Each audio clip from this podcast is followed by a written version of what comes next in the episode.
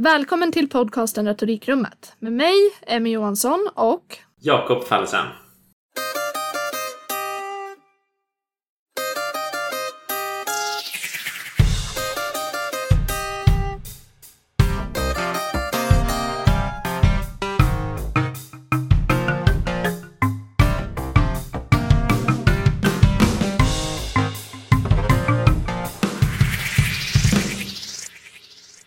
Tänker så dåligt exempel.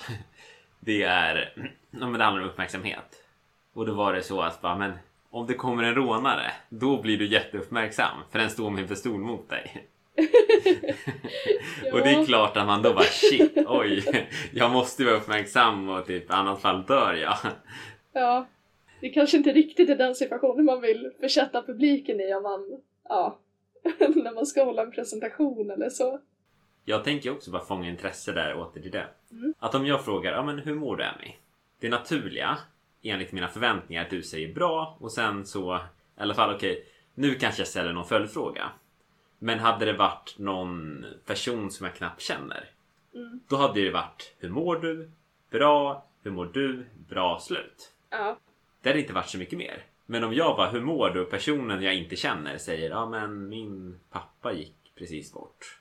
Jag är deprimerad, jag träffar precis en psykolog. Mm. Då hade jag typ what the fuck och blivit jätteintresserad. ja, då hade det ju skapat intresse för det hade varit så oväntat. ja men man blir ju mer ställd i situationen vilket gör att ens intresse riktas ju rent instinktivt mot det. Jag tror också den här autopiloten som man ofta är i. Ja men, jag mår bra, bra. Hur går jobbet? Bra, bra. Att den bryts ju. Och det fångar ju ett intresse av att bryta loss från autopiloten. Ja. Har du varit med någon gång om, om liksom situationer där någon verkligen bryter normen eller vad man ska säga, det, bryter det som du förväntar dig och gör på något helt annat sätt som, alltså som har funkat. Jag tänker ju på säljaren i förra avsnittet. Han fångade intresse. ja, absolut. Så jag tycker att sånt där är svårt. För jag har svårt att gå in i såna roller och jag tycker det är jättestelt. När det blir att du är på ett event eller någonting. Och då ska man, typ, vad kallas det? Du vet när man, inte bu, inte buar, motsättningen, motsatsen till att bua. Typ hurrar. Ja, man hurrar. Ja. Och då blir det också typ, hur skulle du, om du bara hurra nu Emmy. Hur hade du gjort? Hurra, hurra, hurra! Nej, men menar man ska bara wee, typ, eller inte wee. Jaha, du menar så här. Ja, du fattar. Man ska Ja. höja upp Ja. någonting. Någon har gjort någonting jättebra. Alla bara way, way, typ. Ja, Och jag tycker det är jättesvårt naturligt. Nu hörde man ju där på mig att jag var inte superbekväm med att waya. Nej. Därför att sådana grejer kan också att om någon går in och typ wayar bra. Då skapar det uppmärksamhet.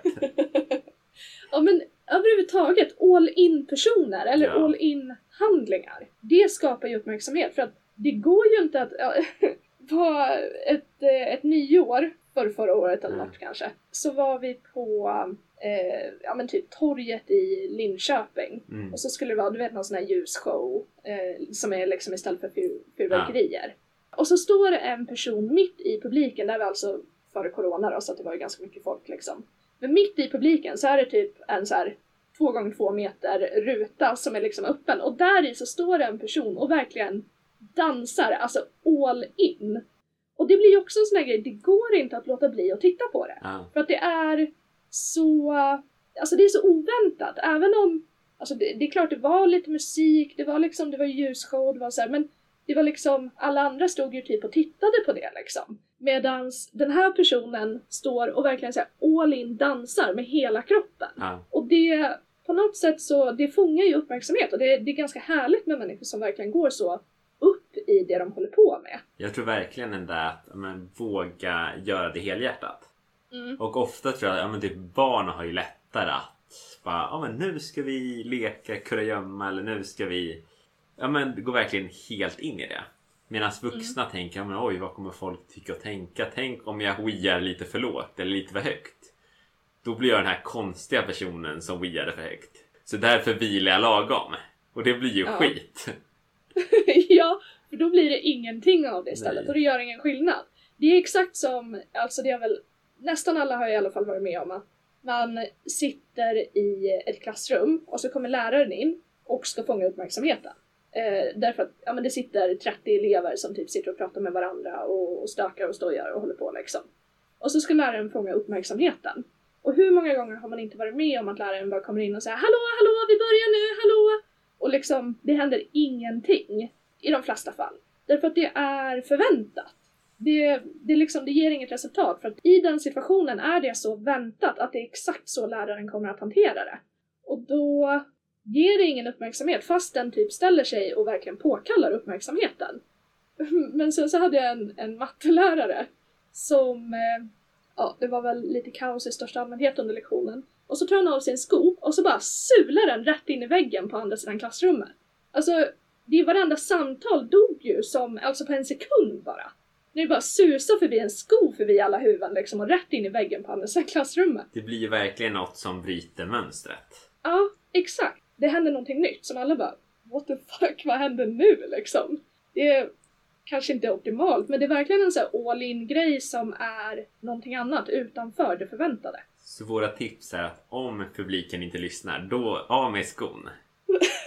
inte tofflan utan skon och slänga den in i väggen. Ja.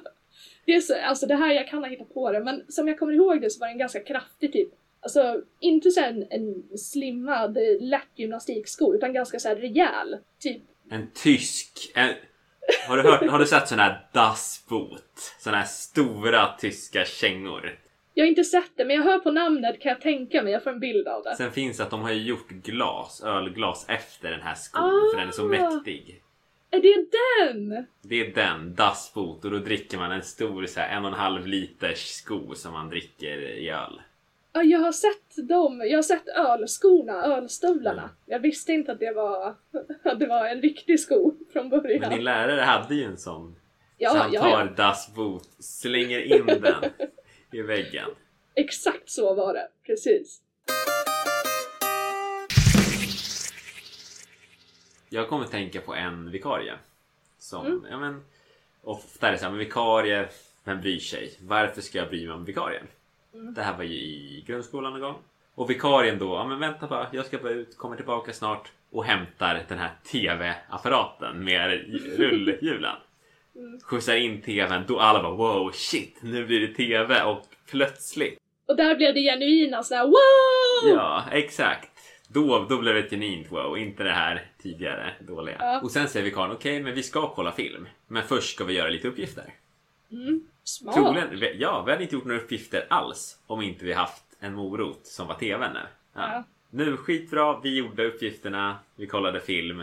Ja. Vi var nöjda, vikarien var nöjd, ordinarie läraren var supernöjd. Ja men det är ju jätte, jättebra, supersmart ju. Det är både fånga uppmärksamheten med att rulla in TV-apparaten men också typ hitta en motivationsfaktor. Mm. Som verkligen sätter sig in i, ni i den åldern, vad är motiverande då? Jo men att få titta på film, det är betydligt mer motiverande än att sätta sig och göra några uppgifter liksom. Så jag tror det sättet man gör det, då hade jag också en fysiklärare i gymnasiet. Mm. Ja men jag tyckte fysik, ja men jag tycker fortfarande det är tråkigt. Det är, ja. ja men för mycket formler, för mycket typ Ja men det är väl den tråkiga delen av matte. Det är fysik tänker jag. Ja. Och, då, och då hade vi, ja, men vi hade fysikläraren och på något sätt lyckades den här läraren få fysiken att bli intressant. Mm. Och jag typ bara, vänta lite nu. En bil, är det fysik? Hur den åker och så här många, typ en lampa och lyckades på något sätt fånga ett intresse som bara, vänta lite nu. Fysiken finns ju överallt, gravitation och ja men på något sätt så blev det intressant och typ coolt med fysik. Mm. Sen så blir det att ja, men läraren behöver sluta. Mystiska omständigheter så bara är läraren borta, sprungen. Okay. Vi får en ny lärare och den läraren läser högläsning från fysikboken. Mm. Så jag började tänka varför ska jag ens gå på lektionen? Jag kan ju mm. gå hem och läsa. Ja. Och den här läraren den läser inte ens på ett roligt sätt. Utan den, det här blir monotont, tråkigt. Så jag passade ju på att sova under fysiklektionerna. Och sen läste jag. Så kunde jag läsa sen efteråt. Sen är det inte konstigt att mina betyg i fysik sjönk. Från den första läraren till den andra läraren. Nej, det känns som att det kan ha en viss, ett visst samband där. Jag tänker att vi kanske skulle gå in på lite, alltså om vi, om vi går tillbaka till det vi pratade om från början med hur man fångar intresse. Att vi kanske skulle prata om några tips för att göra det på ett enkelt sätt. Har du några tips Sammy? Vad har du i rockärmen? Några, några S i rockärmen? Exakt.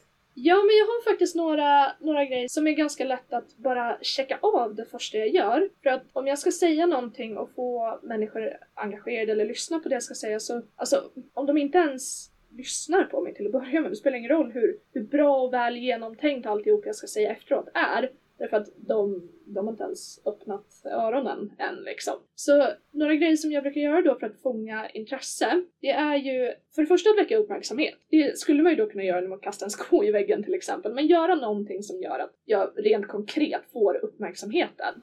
Sen så är det viktigt att de är positivt inställda egentligen. Att, de, att det finns en välvilja mot, mot mig och mot det jag ska säga. Och sen att det finns någon typ av nyfikenhet. Vad tänker du? Ja men jag tycker det där ja, men, låter bra för jag håller med om att om du inte har deras uppmärksamhet då kommer de inte lyssna. Mm. Och det har man också märkt att det kan vara en vän, det kan vara din partner. Att du säger någonting men personen kollar ner i sin mobil. Ja, klassiker. Och den nickar och den eh, hummar och den, den lyssnar och sen gör jag två citattecken. Ja. Och sen så fortsätter du prata och sen säger du någonting helt sjukt. Okej, okay, men ska vi... Ja, men jag, nu, nu tar vi en... Ska vi resa till Afghanistan? Säger du. Och personen bara, ja, men det, det gör vi. Mm. Sen, ja, och då inser du, ja, det är nog inte så bra nu med kaoset som sker i Afghanistan att ja, resa dit. Nej. Så jag tänker något ja men typ där först uppmärksamheten. Sen tror jag väl också då välviljan som du var inne på. Mm. Att någonstans Ja men visa att du bryr dig om personen, att du ändå att ja, men det här är viktigt och relevant för personen.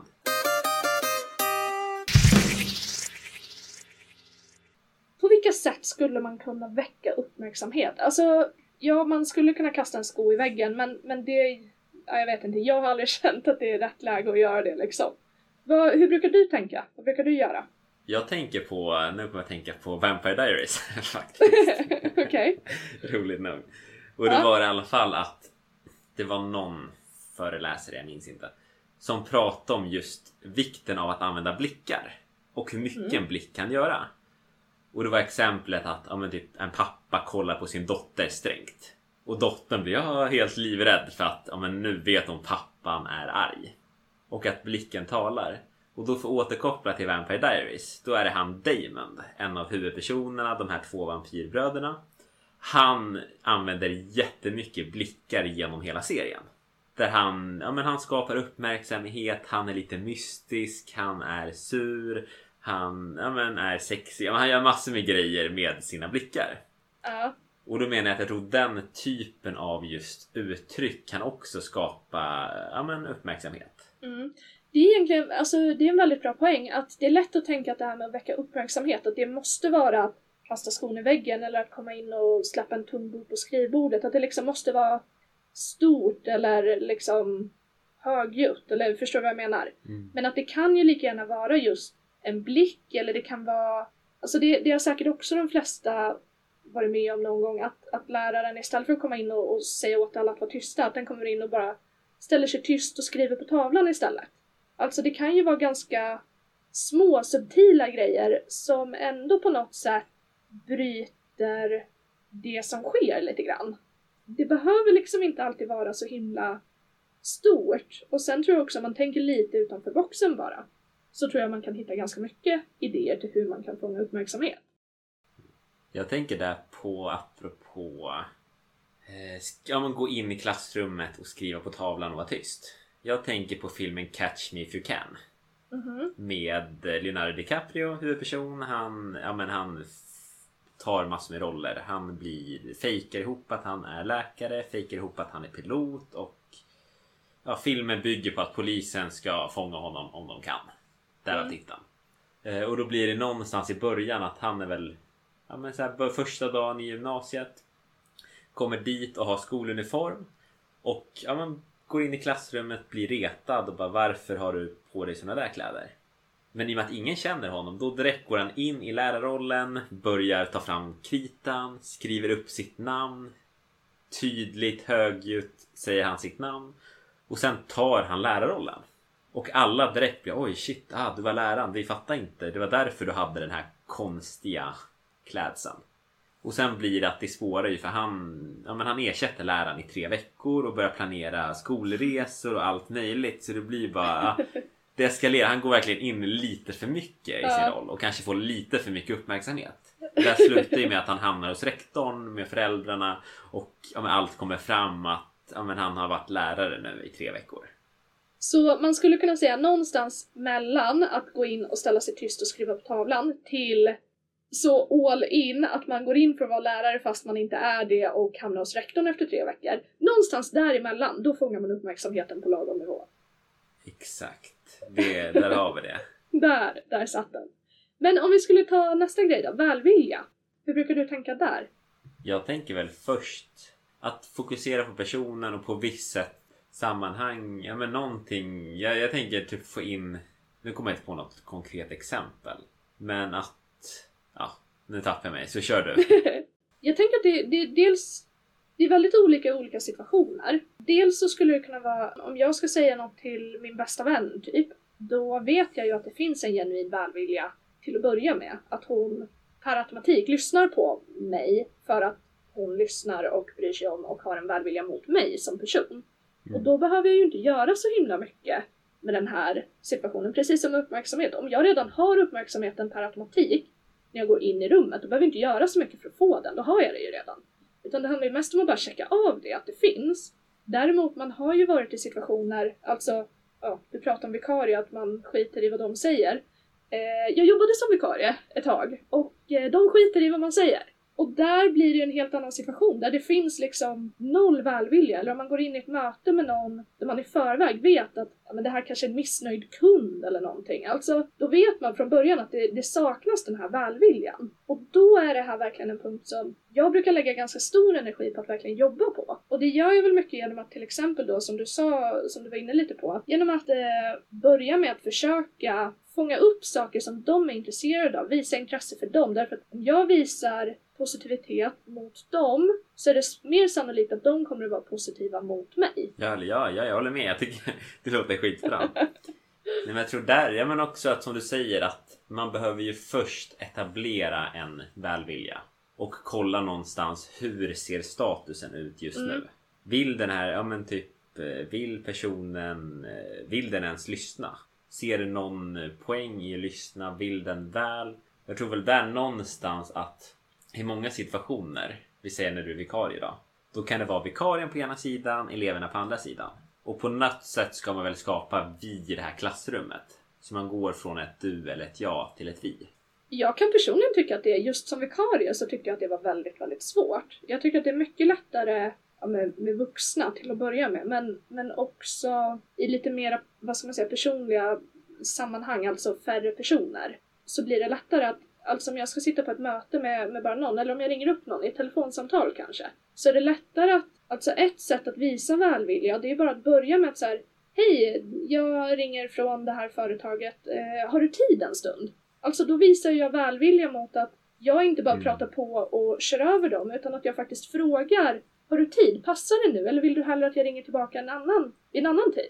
Och då kan, det är ganska ofta som människor kan låta ganska, ja men kanske stressade eller otrevliga eller sådär, eller lite misstänksamma från början. Men när man säger en sån fråga, har du tid? Då visar jag välvilja och, och liksom genuinitet mot dem. Och då blir de mer benägna att faktiskt lyssna på det jag har att säga efter det. För du visar ändå då att du respekterar deras tid. Du tar den inte bara. Nej, precis. Jag tror det lättar mycket att man då, ja men det kan ju vara att man tackar för att, ja men tack för att du tar dig tiden nu och lyssnar på min presentation som är fem minuter. Eller att vi bara tack för att ni lyssnar på våran podd. Ja, precis. Eller tack för att ni ger oss fem stjärnor. Ja, precis. Exakt. Det är också välvilja. Vi uppskattar era fem stjärnor. Vi uppskattar det väldigt mycket. Om vi går vidare till punkt tre då. Med retoriska termer kallar man det ju ganska ofta för läraktighet, men egentligen så handlar det om att visa, eller väcka nyfikenhet. Och få den man pratar med att känna att den vill lära sig någonting eller att den, den vill veta mer om det jag ska säga. Och där kan några exempel vara typ en clickbait. Har säkert alla varit med om. Aftonbladet kommer med värsta nyheten som är helt sinnessjuk. Och sen klickar man vidare och bara oj det var visst. Ja, det kommer regna idag, vad tråkigt. Mm. Precis. Ja. Så jag tror något sånt eller att ja, men nu har, kommer jorden gå under. Sen är det att Donald Trump har twittrat någonting som, Exakt. om att jorden är dö- ja, men döende eller något sånt. Så det är väl ena typen av ja, men nyfikenhet och det funkar. Men sen man ska ju ha en bra clickbait där man blir intresserad, skapar nyfikenhet och sen lever upp till förväntningarna. Ja. Medan den här dåliga när det blir den här ja, men förväntan, lever inte upp till förväntan, då blir man bara missnöjd. Så det är väl en typ av nyfikenhetsväckare. En annan är just cliffhanger. Att man, avs ja, men man berättar A men du berättar inte B. Men i nästa veckas poddavsnitt då kommer ni få börja höra om B. ja, exakt. Nu hade det varit snyggt om vi hade en cliffhanger här. Men eh, ja, Det kanske vi har senare. Vi får se i slutet av avsnittet. En viss person jag känner som skulle, ja men han var med i TV. Och via ett, ja, jag tänker så här, vi är med i P1 och inte får säga varumärken. Vi får ju säga varumärken. ja, vi är inte i P1 än. Det, du, du kan lugnt säga Nej, det varumärken, kommer det går bra. senare. Ja. För de måste alltid säga, men säger man Apple då måste man säga Android. Ja. Och sen finns det Huawei och sen finns det, ja men de måste säga massor. Men i alla fall, då är det Scan. Och hans uppgift, i och med att han är säljexpert, är att han ska sälja in vegetariska köttbullar till småbarn. Och det är också när man tänker att vegetariska köttbullar är inte superlockande för ett småbarn. Sen är det olika från familj till Ja. familj. Är man uppväxt med vegetarisk mat? Ja. Ja. Men ja, men när man van att äta vanliga köttbullar och det är det som barnet förväntar sig. Du är, alltså man vet Ja. hur det kan vara att få barn att prova nya saker liksom. Det är inte säkert att det är lätt. Och då ser man de här köttbullarna och då tänker man att de är bara helt gröna. De ser ut att komma från ja, skapade av någon alien.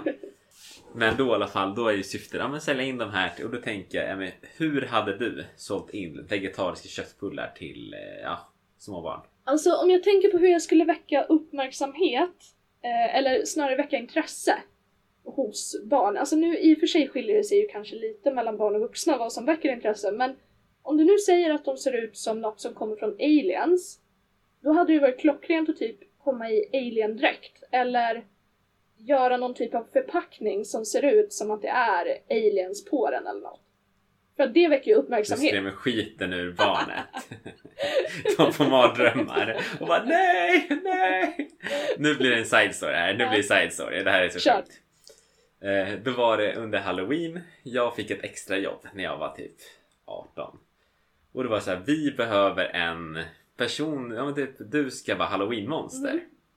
Och jag bara, det där låter intressant. Ja men OB fick, ja men jag vet inte hur mycket man fick, men fick ändå bra betalt.